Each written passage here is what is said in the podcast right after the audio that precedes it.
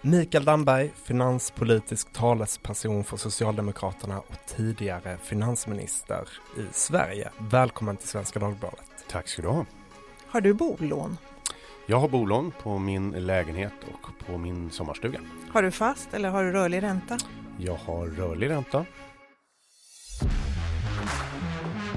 Priser och räntor stiger, underskotten i välfärden växer, energikris och en inflation som riskerar att bita sig fast. Sverige blir fattigare.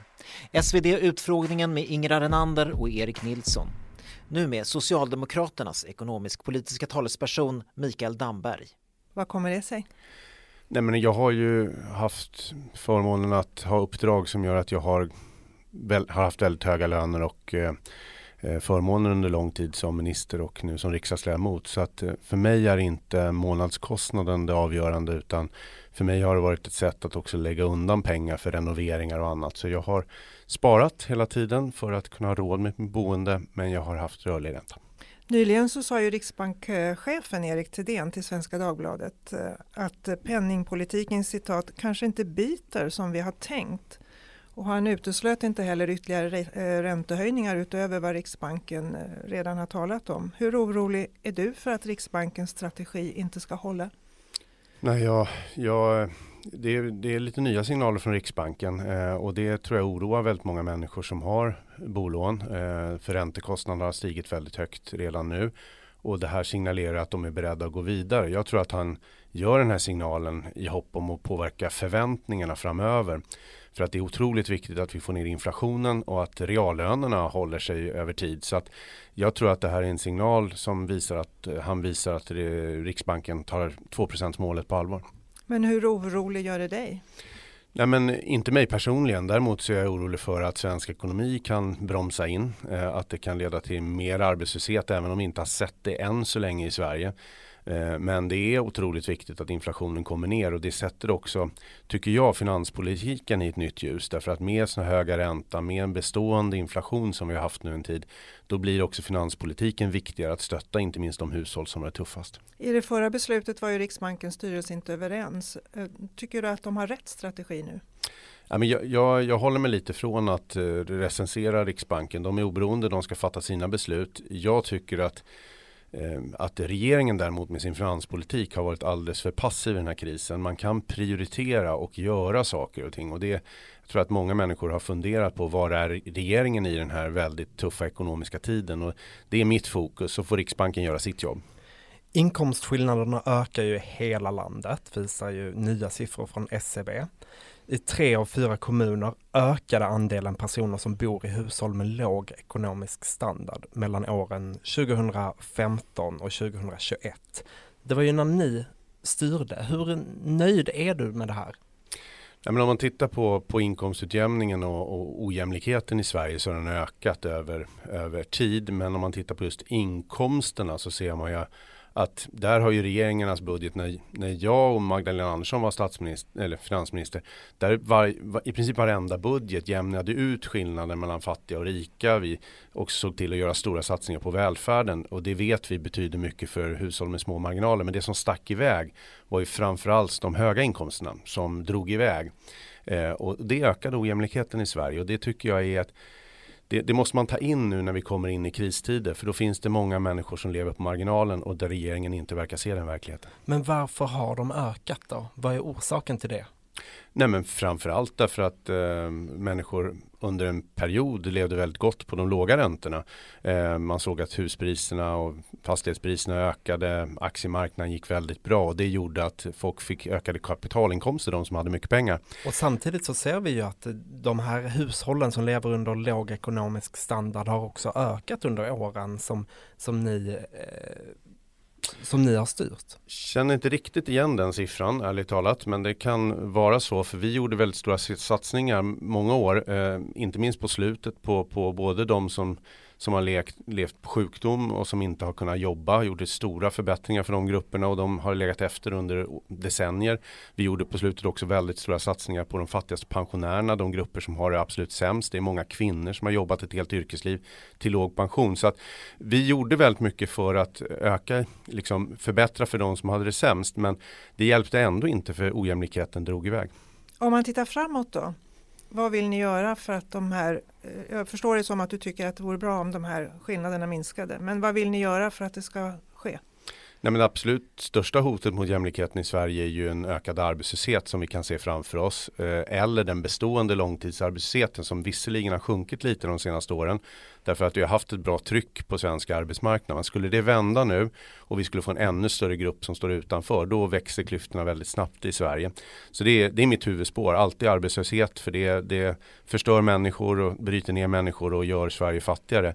Å andra sidan så tycker jag att vi borde, och det har vi ju inte orkat med i det politiska systemet, också ta ett helhetsgrepp om till exempel skattesystemet. För det över tid har, har många hål och de flesta är nog överens om att dagens skattesystem skulle, skulle behöva ses över. Men det har inte gjorts och det har inte funnits en politisk vilja att göra det. Vad skulle ni vilja göra, ni socialdemokrater med skatterna? Nej men om man tittar på skatterna så bara på kort sikt så vet ju alla att vi gick emot en skattesänkning för högavlönade som, som den här regeringen och Sverigedemokraterna drev igenom i senaste budgeten. Men framåt eh, tänkte ja. jag på. Ja, men bara så att vi förstår att det var det senaste skattediskussionen vi hade i Sverige. Det var senaste budgeten. Det var ändå 13 miljarder som kunde ha säkrat upp välfärdens finansiering, skolan och äldreomsorgen nu. Men också eh, att man kunde satsa på barnfamiljerna i den här tuffa tiden. Framåt så tycker jag i en skatteöversyn då skulle man ta ett brett grepp, gå tillbaka till lite mer de principer som låg bakom den stora skatteöversyn, eller liksom skatteöverenskommelsen. Jag tycker att eh, de svenska kapitalskatterna är något för lågt. Eh, eh, men där skulle kunna tänka mig att göra andra justeringar som gör att vanligt folk nu i de här tiderna eh, med hög inflation faktiskt får lite bättre. Och det går att göra sådana prioriteringar. De här andra sakerna, är det höjd inkomstskatt? Ökad progressivitet? Nej, det var inte min poäng. Eh, men kapitalskatterna pratade du om, ja. vad, vad, handlar det om? Nej, Vi ta... tidigare diskuterat i, i ISK, högre ja. skatt på, på den typen av konton. Ja, men vi har också sagt att ISK är en väldigt bra sparform eh, som många människor har faktiskt haft underlättat för, för deras vardag. Däremot så vet vi att i toppen på ISK har det funnits människor med enorma kapitalinkomster som har fått en, en bra en bra skatteutdelning genom ISK. Så det har varit den delen vi har diskuterat. Eh, men den stora diskussionen vi har haft är 3.12-reglerna eh, som kanske inte alla människor vet vad det är. Men där det systemet eh, över tid har blivit väldigt gynnsamt för de som plockar ut kapital ur bolaget till skillnad från de som, som arbetar. Och där har vi tidigare lagt förslag eller föreslagit saker och ting som inte har gått igenom i riksdagen. Om jag bara får återkomma ett ögonblick ändå till inkomstskatterna. är det så att du tycker att de behöver höjas eller förändras på något sätt? Nej, jag skulle vilja säga det att i det här läget ska man vara väldigt försiktig med att förändra inkomstskatterna. Eh, framförallt för vanliga och låga inkomster. Därför nu har vi haft en situation där Sverige blir rejält mycket fattigare. Eh, vi har en situation där människor har förlorat tio års reallöner, eh, vanliga löntagare, därför att inflationen har ätit upp deras plånböcker. Så är det någon tid man ska diskutera vad man kan göra för låga inkomster så är det ju nu. Eh, men däremot så tycker jag inte regeringen ska gå vidare med ytterligare skattesänkningar för de mest välbeställda. Till exempel har de skickat ut ett skatte-PM som säger att man ska ta bort avtrappningen i jobbskatteavdraget för höga inkomster. Det skulle ju vara en rejäl skattesänkning rakt i fickan på de rikaste människorna i Sverige i ett krisläge där människor går på knäna och inte riktigt har råd att sätta mat på bordet. Det är en felaktig prioritering. Hi, this is Bachelor Clues from Game of Roses of course, and I want to talk about Club Med. Everybody knows Club Med has been the pioneer of the all inclusive resort since 1950, with almost 70 resorts worldwide, ranging from beachside destinations in the Caribbean and Mexico to exotic locations like the Maldives and Morocco, or even the mountain destinations like Japan and the European Alps.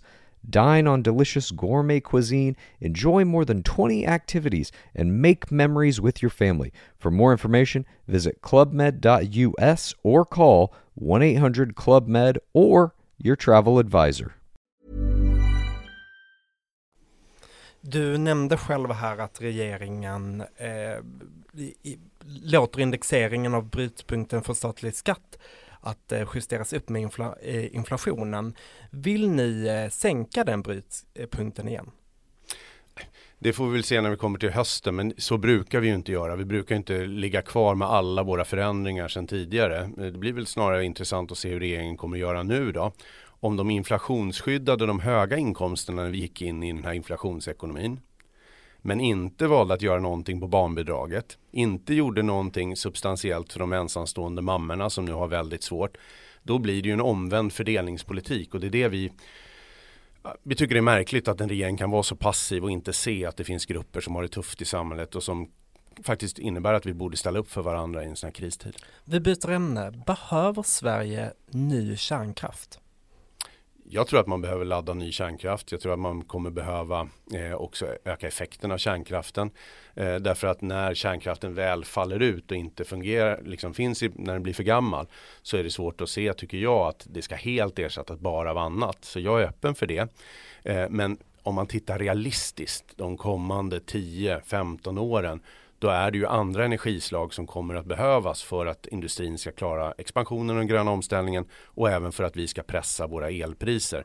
Så att här är jag väldigt orolig för att regeringen just nu tack vare Sverigedemokraterna håller på att backa in i Sverige äh, i framtiden och därmed göra elen dyrare och den gröna omställningen eh, Men så, svårare. så ladda ny kärnkraft säger du, By bygga nu, det, Ja. är, det är en bra idé. Nej men det, det finns möjligheter att bygga ny kärnkraft sedan den eh, Och det tycker energiöverenskommelsen. du är bra? Det är Ja, bra att det byggs ny kärnkraft? Ja, om det, om det är lönsamhet i det, om det fungerar. Det är ju inte bra om vi bygger väldigt dyr, dyra kraftslag i Sverige som inte gör att en industrin får energi till konkurrenskraftiga priser eller att vi får, får betala högre elräkningar. Men, men det finns möjligheter för det och vi, vi är öppna för det och det finns ju alla möjligheter att bygga kärnkraft i Sverige idag och med de här priserna kanske det är mer lönsamt än tidigare. Vad är det viktigaste att göra för att eh, underlätta för den här typen av investeringar i ny kärnkraft om du nu tycker att det är en bra idé? Min poäng är att den ligger väldigt långt fram i tiden så att eh, ny Regeringen har ju lagt fram flera förslag för att underlätta för nya investeringar, till exempel det här med att eh, man ska få bygga reaktorer på fler platser än eh, där de redan finns. Är det ett bra förslag tycker du? Kommer Socialdemokraterna att stödja det? Det, det är ju lite bakvänt förslag för nu om man nu kan bygga nya kärnkraftverk på flera platser runt om i Sverige där det dessutom finns elledningar och därut, därute det finns också elbehov så kanske man ska börja med de platserna. Så det blir, det blir Men, lite... men, ja, men- bara för att få det har- veta hur du ställer dig till det förslaget. För det, Ja. det, och min det, poäng är att det är ett ganska oväsentligt förslag Så ni idag. kommer rösta nej till det? Det får vi se när vi lägger våra förslag. Jag bara Varför säger kan att du inte svara Därför på att det, det nu? blir Därför det, jag försöker förklara varför. Därför att det hjälper inte. De som vill bygga kärnkraft, om man skulle vilja göra det i Sverige, kommer att vilja bygga på de platser där det finns elledningar dragna och där kapaciteten finns och där behoven i elsystemet är som störst. Och det är ju på befintliga platser där vi har haft kärnkraft tidigare. Så man börjar där eh, och så får man se i vilka andra behov som finns. Jag utesluter inte att det kan behöva byggas på fler platser. Det är ingen principfråga. Jag vill inte göra energipolitiken till ett kulturkrig som vissa partier vill göra. Det är farligt för Sverige, det riskerar stora investeringar som riskerar att hamna i andra länder. Om det ska laddas ny kärnkraft som du säger, om man ska bygga ny kärnkraft, vem ska göra det? Den som vill bygga kärnkraft och den som tycker det är lönsamt att bygga kärnkraft. Hur realistiskt tror du att det är att det kommer ske? Nej, jag, jag, jag lyssnar på experterna och det är lite delade meningar. Det beror lite grann på hur elpriserna utvecklas framöver. Men det är klart att elpriserna idag är ju högre än för några år sedan när, när branschen sa att det inte var lönsamt med kärnkraft. Så att um, det får andra bedöma. Men, men jag bedömer nog att vi kommer, vi har ju stora behov. Vi kommer i princip behöva fördubbla vår elproduktion i Sverige för att klara den gröna omställningen. Och då kan man inte välja bort något kraftslag. Då måste man maximera alla. öppna nya gruvor. Vi ska se över tillståndsprocesser och utbilda arbetskraft, bygga nya stambanor och Norrbotniabana. Och självklart ska vi snabba på elektrifieringen. Men inte med ny kärnkraft. Den är för dyr. Någon som är sugen på högre elpriser? Er parti, nuvarande partiledare, när hon tillträdde så talade hon om att eh, kärn, eh, vill någon ha kärnkraft sa hon ungefär den är nog för dyr, vem vill ha dyrare el? Stefan Löfven när han var blivande statsminister 2014 talade om att fasa ut kärnkraften. Där är är den tillträdande regeringens ingångsvärde att eh, kärnkraften ska fasas ut. Vi ska ha 100% förnybart. Hur, hur mycket kan man hålla på att ändra det här om nu industrin och näringslivet vill ha långsiktiga lösningar? Nej men man måste utgå från verkligheten alltid och det är klart att på den tiden när Stefan Löfven sa det handlar ju om att dels var priserna väldigt låga. Vi hade de lägsta priserna i hela Europa. Det var inte lönsamt att göra nyinvesteringar och då hamnade investeringarna i andra kraftslag istället. Nu har vi ett krig i Europa som har drivit upp elpriserna. Vi har ett behov av dubbelt så mycket elproduktion i Sverige och då får man inte utesluta något. Det är fullt rimligt att man är så pragmatisk. Men i det här läget så i, i, i, vanliga fall i vår normala Sverige då hade vi gjort en bred överenskommelse om energipolitiken nu därför att då hade investeringarna kommit till Sverige. Jag är rädd för att flera investeringar kommer hamna i Finland, i USA, i Tyskland därför att regeringen inte tar den här frågan på allvar och istället gör sig beroende av Sverigedemokraterna. Regeringen har ett, vill ju ha ett nytt mål eh, för energipolitiken som säger att den skulle vara eh, målet är 100% fossilfritt för att föra in kärnkraften. Är det här målet, är det något ni kan ställa er bakom nu då? Det är ju ett väldigt märkligt mål eftersom svenskt energisystem i praktiken idag redan är 100% fossilfritt. Vad är problemet det, i så fall? Nej men det, det är ju exakt, det är ju totalt eh, onödigt. Eller men Sverige har ju idag ett mål om att det ska bli 100% förnybart till 2040 ja. och det inkluderar ju inte kärnkraften. Så det handlar ju om att ändra det ja. målet för att skicka en signal. Eh, ja. Kan inte det finnas en poäng i det? Nej, om, det... om nu ny kärnkraft är en bra idé? Nej men jag tror inte att ändra det ordet kommer att göra någon som helst skillnad överhuvudtaget. Kommer ni därför vår... att rösta nej till det här nya målet? Vi har, redan, vi har faktiskt föreslagit ett helt annat mål för energipolitiken eh, eftersom regeringen inte tar den här frågan på allvar. Så vi har föreslagit ett nytt mål till 2030 att få fram minst eh, ja, Ehm, ehm, 60 terawattimmar till eh, fossilfri precis som regeringen, fossilfri el till 2030 för att klara den, eh, den här gröna omställningen. Och det blir väldigt intressant att se hur regeringen ser på det. För det skulle ju pressa systemet att använda all kärnkraft vi bara kan, vattenkraften, solkraften, men framförallt det är vindkraften som kommer göra skillnaden de närmsta 10-15 åren för svensk Men industri. kommer ni, eh, ni kommer ju ändå behöva ta ställning ja, till regeringens kommer vi rösta förslag. Nej. Då kommer vi rösta, rösta nej till regeringens förslag, vi kommer rösta ja till vårt nya energipolitiska mål som skulle göra stor skillnad om vi skulle öka energiproduktionen i Sverige. Ehm, när du talar om kärnkraften här och öppenheten för den nu, hur påverkar det ett eventuellt samarbete med Miljöpartiet till exempel framöver? Nej, men jag, jag, ser att när det gäller energipolitiken så måste de vara långsiktiga. Det är därför vi strävar efter överenskommelsen över blockgränsen. Så att för mig är det helt självklart att eh, om, om Socialdemokraterna får möjlighet att sitta i regering igen då strävar vi efter långsiktig energipolitik med spelregler som gör att industrin och näringslivet vet vilka spelregler som gäller. Och i det så kommer det vara så att Socialdemokraterna kommer inte sätta stopp för kärnkraft om det behövs på, på den svenska elmarknaden och det är lönsamt. Men sist bara, ni tycker att eh, ny kärnkraft kan vara en bra idé mm. men eh, ni har inga förslag på hur ni ska underlätta för sådana investeringar. Vi gjorde ju förändringar redan i regeringsställning där vi tittar på de här små. Men inga eh, nya? Ja, men vi tittar på andra förslag om det finns det, men framförallt så vi har, man måste förstå det att just nu har vi en, en, en liksom teoretisk diskussion om kärnkraft om kanske de som är optimistiska 10-15 år. Eh, men det stora elbehoven vi har, de är här och nu. Men osäkerheten om var ni står när det gäller kärnkraften röjer du undan här nu då? Ja, jag tycker vi har varit tydliga under hela valrörelsen. Vi var också tydliga under den energiöverenskommelse vi gjorde med Moderaterna när Moderaterna efter den energiöverenskommelsen gick ut och sa nu har vi räddat kärnkraften i Sverige. Vi visar att vi är pragmatiska i den här frågan därför det måste vara svenska intressen som står i centrum för hela energidebatten. Ryan Reynolds here from Mint Mobile. With the price of just about everything going up during inflation, we thought we'd bring our prices down. So to help us, we brought in a reverse auctioneer, which is apparently a thing.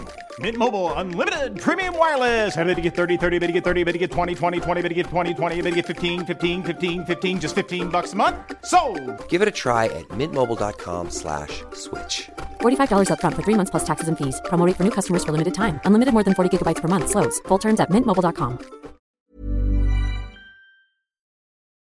Vi byter ämne igen till eh, reduktionsplikten på drivmedel. Den ska ju sänkas kraftigt eh, och avsikten är att få ner priset på bränsle tvärt en tidigare plan då när man skulle höja den här reduktionsplikten istället. Planen har ju varit då att öka inblandningen av biobränsle ehm, för att minska utsläppen. Vill ni fortsätta på den vägen, den här planen att höja?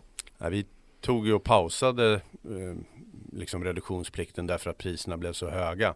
Vi valde också att sänka skatten eh, under en period när det var väldigt höga bensin och dieselpriser. Så vi vis och sen har vi också föreslagit en en tankrabatt till exempel till glesbygden som gör att man, man, man får ganska stort stöd om man har, bor på glesbygden och behöver bilen i, i sin vardag.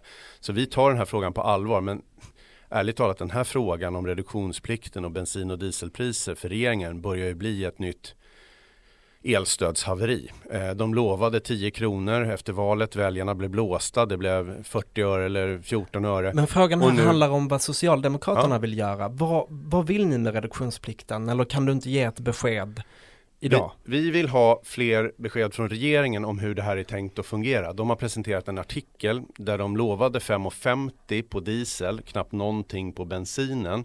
Eh, men dagen efter så tar statsministern avstånd från artikeln och säger att det kommer inte bli det här. Och det är det enda vi har sett. Vi har inte sett några förslag från regeringen. Vi har sett en debattartikel som statsministern har tagit avstånd från. Det är inte seriöst. För om regeringen menar allvar med att nå klimatmålen som statsministern har sagt att han ska göra, då kommer det krävas andra åtgärder. Kommer det att kosta svenska folket i form av att, eh, som Liberalerna har sagt, att det ska bli trängselskatter runt om i Sverige? Ska det bli lägre hastighetsbegränsningar på vägarna? Eller ska man göra som i andra länder att man inte får köra sin bil på vissa dagar? Har ni måste... något alternativ där till att vi kommer fortsätta utan... höja reduktionsplikten? Nej, vi har inte sagt att vi ska fortsätta höja. Vi har pausat reduktionsplikten. Eh, det är mm. vårt besked. Däremot så kommer vi när väl regeringen har presenterat sitt förslag. Vi har fått svar på de frågor om hur det här ska betalas, vilka effekter det får för både bilisterna på glesbygd men också eh, hur, hur det drabbar till exempel svensk skogsindustri. När vi har koll på de frågorna, då kommer vi presentera vårt för, förslag. För expertmyndigheterna säger att reduktionsplikten krävs för att vi ska nå de här klimatmålen till 2030 som, som ni eh, står fast i. Så, så krävs det inte att ni då också håller kvar i den plan som, eh, som är utstakad? Ja, men det kommer, jag tror att det enda som är det tydligt från regeringens besked är att de inte kommer nå klimatmålen. Det finns inga möjligheter med det de har presenterat hittills. Vi kommer att gå igenom regeringens idé, skiss, när de väl lägger sitt förslag kommer vi gå igenom det ordentligt. Vi kommer kräva att regeringen redovisar svar på ett antal frågor om hur det här kommer drabba bilister runt om i hela Sverige. Och sen utarbetar vi ett alternativt förslag som visar att man både kan jobba med svensk beredskap, med en tanka mer svenskt, men också se till att det här är ekonomiskt hållbart för, för bilister i hela Sverige. Det ansvaret måste man ta. Var det ett dåligt förslag här då eftersom du inte kan säga att ni vill fortsätta med det? Vilket då? Att fortsätta trappa upp eh, Nej, men jag, ja, men jag tror att det, det var orealistiskt med den prisutveckling vi hade. Och det var därför vi pausade reduktionsplikten. Därför det blev för dyra priser för, för människor på inte minst glesbygd och landsbygd. Nu har vi hittat sätt där vi också kan ge pengar direkt till dem i form av en tankrabatt som skulle ge 2000 kronor per, alltså man skulle få 2 kronor rabatt per milen första 2 mil, 2000 milen. Det gör väldigt mycket på glesbygden. Ni var, du var inne nyss på klimatmålen som ni också står bakom. Det finns ett i Sverige för transporter, att man ska få ner utsläppen till 2030 där och reduktionsplikten som vi diskuterade var ett medel att nå det. Mm. Men hur vill ni nå det här transportmålet nu då? Ja men det får vi återkomma när vi får svar från du regeringen. Du har ingen, inget? Nej, det, det, kan inte vara så att oppositionen redovisar förslag innan regeringen har lagt sina förslag. Därför att de har 5000 tjänstemän i regeringskansliet. De har alla underlag som krävs för att faktiskt utarbeta alternativ och eh, jobba med förslag. När de har svarat på de frågorna kommer vi att redovisa det. Men jag kan bara konstatera att det här är den första regeringen på 20 år i Sverige som nu bedriver en politik som som ökar utsläppen i Sverige som inte har några idéer om hur de ska minska. Vad blir konsekvenserna om det här nationella klimatmålet inte nås till 2030? Ja, det kan innebära att Sverige får betala eh, utsläppsrätter i andra länder. Det kan bli Men väldigt inte det här nationella transportmålet? Nej, det, då kanske det blir som finansministern sa, antingen når man målet eller så når man det inte. Men vi, vad tycker du att det innebär då om Sverige inte når det till 2030? Nej, men Problemet är att det hjälper inte bara att man inte når det svenska målet för då slår man i det europeiska målet. Så stor skillnad är det inte mellan svenska målet och europeiska målet och det betyder att Sverige kommer att stå inför valet att få betala böter eller betala utsläppsrätter som kan kosta hur mycket som helst eller att göra andra begränsningar i, i till exempel trafiken. Så blir det så att man inte ska få köra sin skoter i Sverige är det vissa dagar som man inte ska få köra sin bil? Blir det hastighetsbegränsningar runt om i landet så måste vi veta det från regeringens sida. Och det får vi veta vad ni tycker om också när regeringen har sagt vad de tycker. Yes. Tack så mycket Mikael Damberg. Tack. Du har lyssnat på Utfrågningen, en podd från Svenska Dagbladet. Intervjuklipp Sveriges Television. Producent Erik Hedtjärn. Ljud och form Hanna Engberg. Ansvarig utgivare Anna Kareborg.